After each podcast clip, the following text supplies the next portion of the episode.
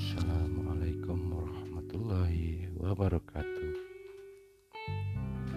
Selamat pagi, siang, sore, malam, para pendengar. Uh, saya buat podcast ini siang hari uh, setelah sholat Jumat. Uh, ingin sekali melanjutkan tentang sharing kita tentang filsafat stoicism dan Anda sedang mendengarkan lilin kecil.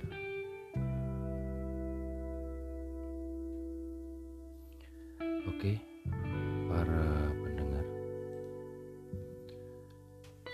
Dari pembahasan atau sharing kita tentang filsafat stoicism bahwa pada dasar pemikirannya adalah bahwa setiap hal atau uh, masalah itu dibagi menjadi uh, dua bagian yaitu masalah atau hal yang bisa kita kendalikan dan hal yang tidak bisa kita kendalikan. Uh, saya mau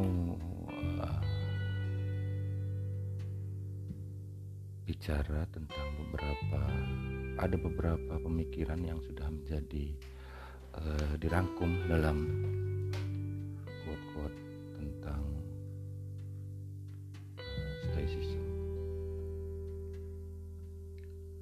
Adalah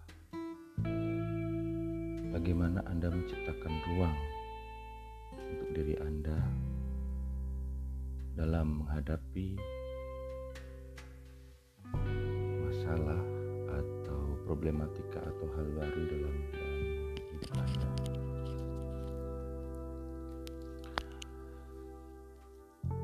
Filsafat ini jelas menegaskan bahwa segala sesuatu yang Anda rasakan itu tergantung pada uh, kebiasaan Anda mengelola batin Anda dengan mengelola pikiran Anda, intelektualitas Anda untuk uh, menerima apa pun yang terjadi pada setiap kejadian yang Anda alami.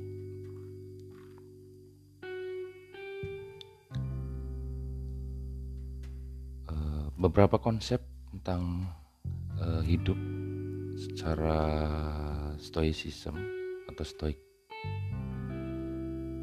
Filosofi stoik. Itu mengajarkan kita untuk bertanggung jawab atas cara kita memandang suatu hal atau sesuatu. Stoicism menganggap penyebab sebenarnya dari penderitaan yang dialami oleh seseorang adalah karena dirinya sendiri. Kitalah yang menentukan sebuah hal itu adalah penderitaan atau kebahagiaan.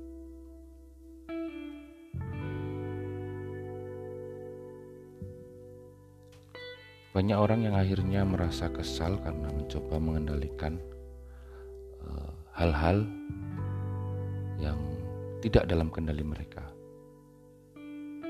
Tentu saja itu membuat orang merasa tidak berdaya dan tidak efektif.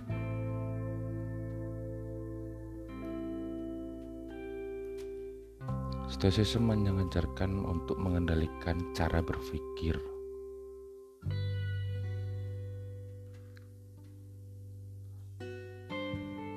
Dengan melatih pikiran Anda untuk bisa memahami dan menerima apa yang terjadi. Jadi, stoicism itu juga untuk mengingatkan diri sendiri, diri kita sendiri tentang hal-hal yang relatif tidak penting, menyadarkan kita bahwa dunia tidak berputar hanya di sekitar kita. Seperti pada episode pertama, kita itu uh, secara material itu hanyalah butiran debu atau hal yang sangat kecil dalam sebuah galaksi yang sangat besar.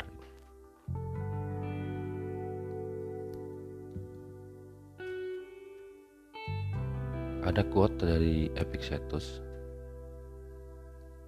Dia mengatakan bahwa jika kamu mengharapkan alam semesta memberikan apa yang kau inginkan, kamu akan kecewa. Tetapi kalau kamu menerima apa pun yang diberikan alam semesta, maka hidup akan jauh lebih damai.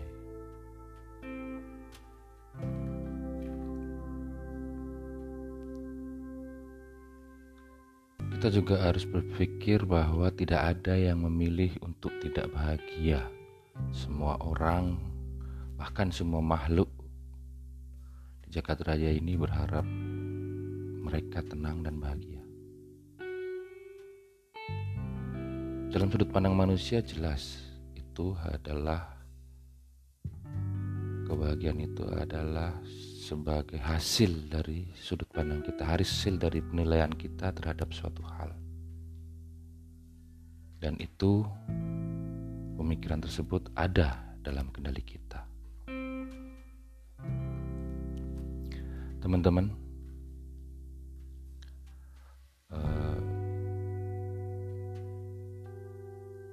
mungkin banyak dari kalian yang merasa dunia sekarang itu cenderung lebih terbuka, lebih cepat dan sebagainya ya. Tapi pada satu sisi kita harus siap dengan kondisi-kondisi tersebut. Karena kegundahan hati, eh, ketidakpuasan terhadap diri sendiri, itu kadang kita buat sendiri karena kita mengkomparasi diri kita dengan orang lain. Yang biasanya orang dulu tidak terbuka, namun dengan adanya sosial media dia mulai membuka informasi, keran-keran informasi dari dalam diri mereka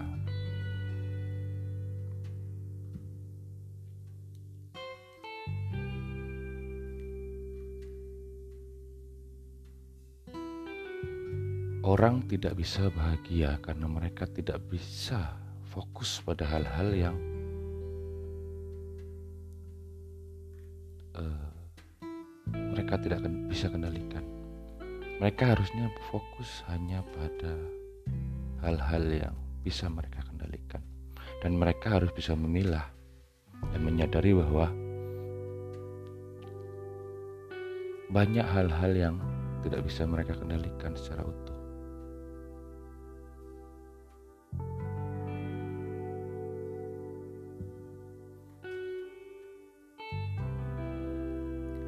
Kita sebenarnya itu kecewa bukan karena peristiwa yang menimpa kita, tapi karena opini dan pikiran kita terhadap peristiwa tersebut.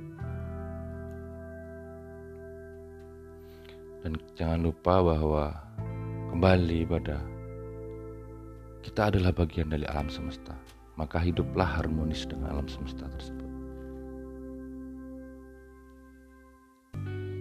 Berbahagialah dengan kata hatimu bukan pada perkataan orang lain.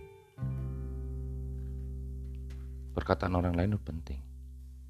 Tapi bagaimana kita menyikapinya sebagai cermin dan tempat berkaca, bukan sebagai uh,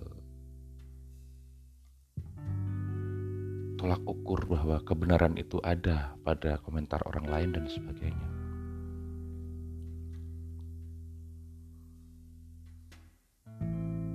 Karena sebenarnya orang lain itu tidak tahu. Orang, orang lain tidak akan pernah tahu apa yang sebenarnya membuat Anda bahagia. Maka berhentilah terlalu khawatir dengan perkataan orang lain dan mulailah mendengarkan hatimu. Dan pilahlah, mulailah perbanyak pemikiran-pemikiran bijaksana. Pilahlah kejadian-kejadian atau pengalaman atau knowledge atau ilmu pengetahuan yang bisa membuat Anda semakin bijaksana.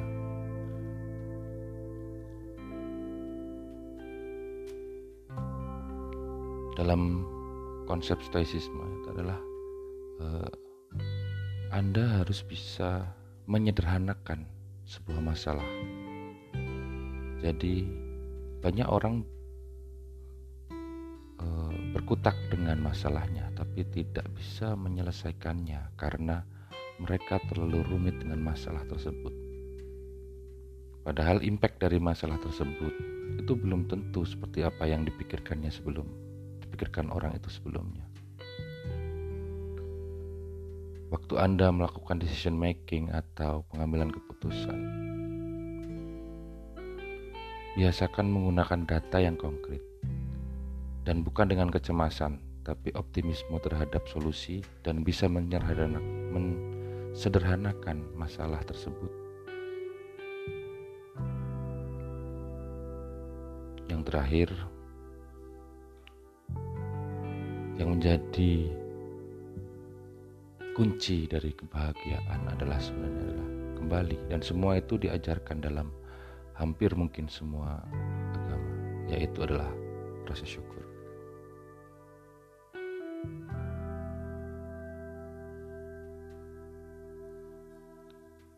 Dalam filosofi stoik atau stoicism, semua yang telah terjadi itu sudah ada yang mengatur.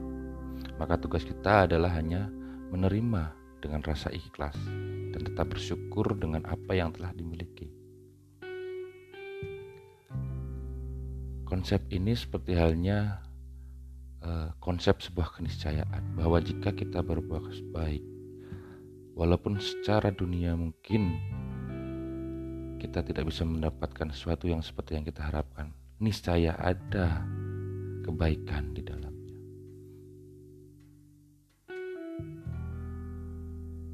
Jadi itulah sekelumit tentang pandangan hidup filsafat stoicism yang bisa kita terapkan dalam kehidupan sehari-hari agar lebih bisa mengkondisikan batin yang orang anggap bisa bahagia.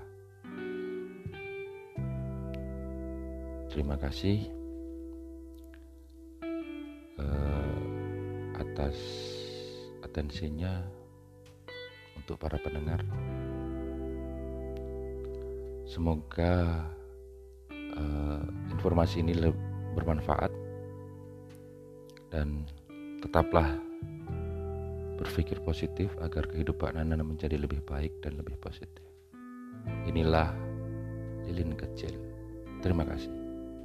Assalamualaikum warahmatullahi wabarakatuh.